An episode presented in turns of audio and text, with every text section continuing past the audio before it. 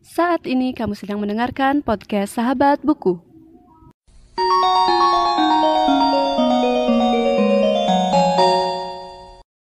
Sebelum mendengarkan episode kali ini, jangan lupa follow podcast Sahabat Buku di Instagram di @podcastsahabatbuku. Selamat mendengarkan.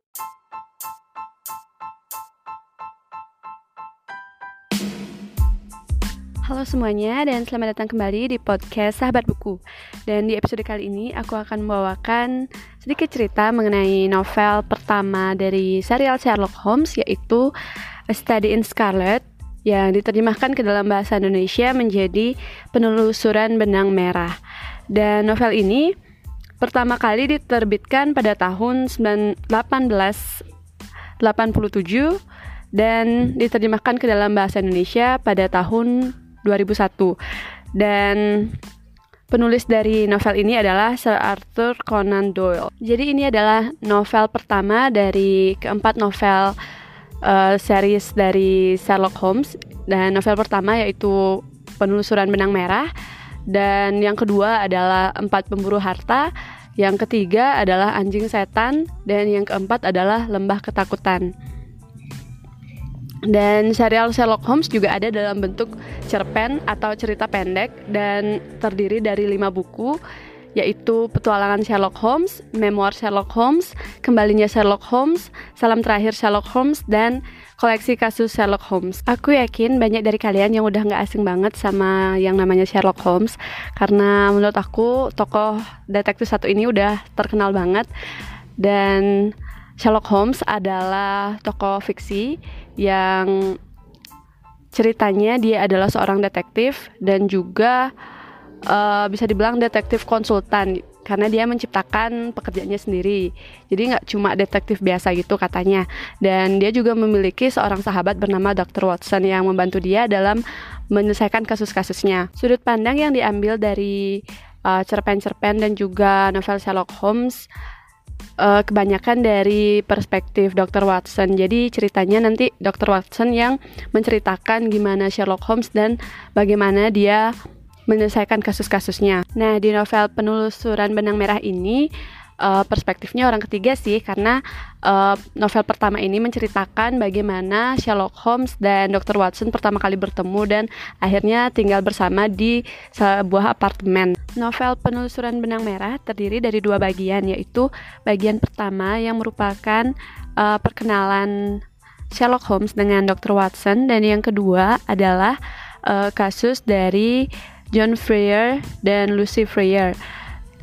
Aku nggak tahu sih bacanya bener apa enggak itu uh, John Ferrier kayak deh.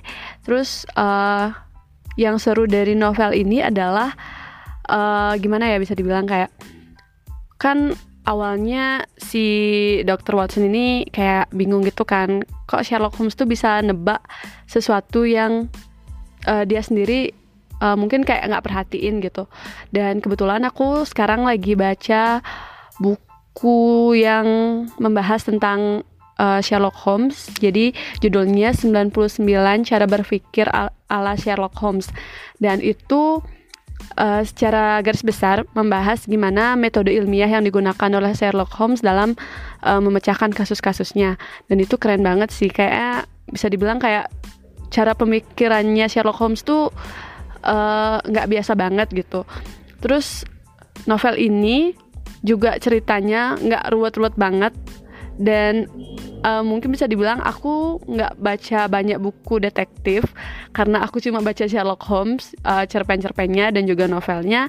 Jadi mungkin nggak bisa compare sama uh, detektif lain ya.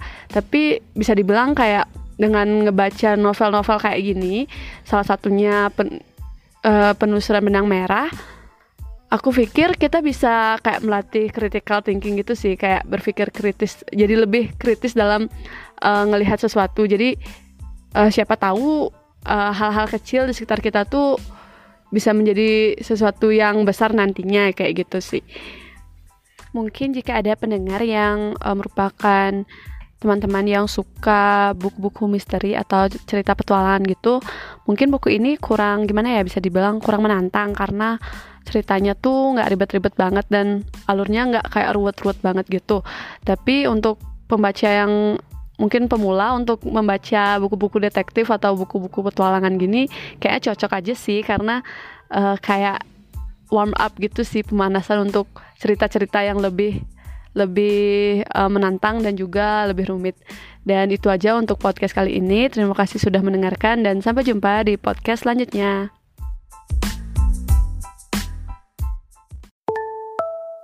Terima kasih sudah mendengarkan podcast Sahabat Buku. Bagi pengguna Spotify, jangan lupa follow. Dan pengguna Apple Podcast, jangan lupa subscribe supaya bisa mendengarkan semua episode baru dari podcast Sahabat Buku. See you in the next episode.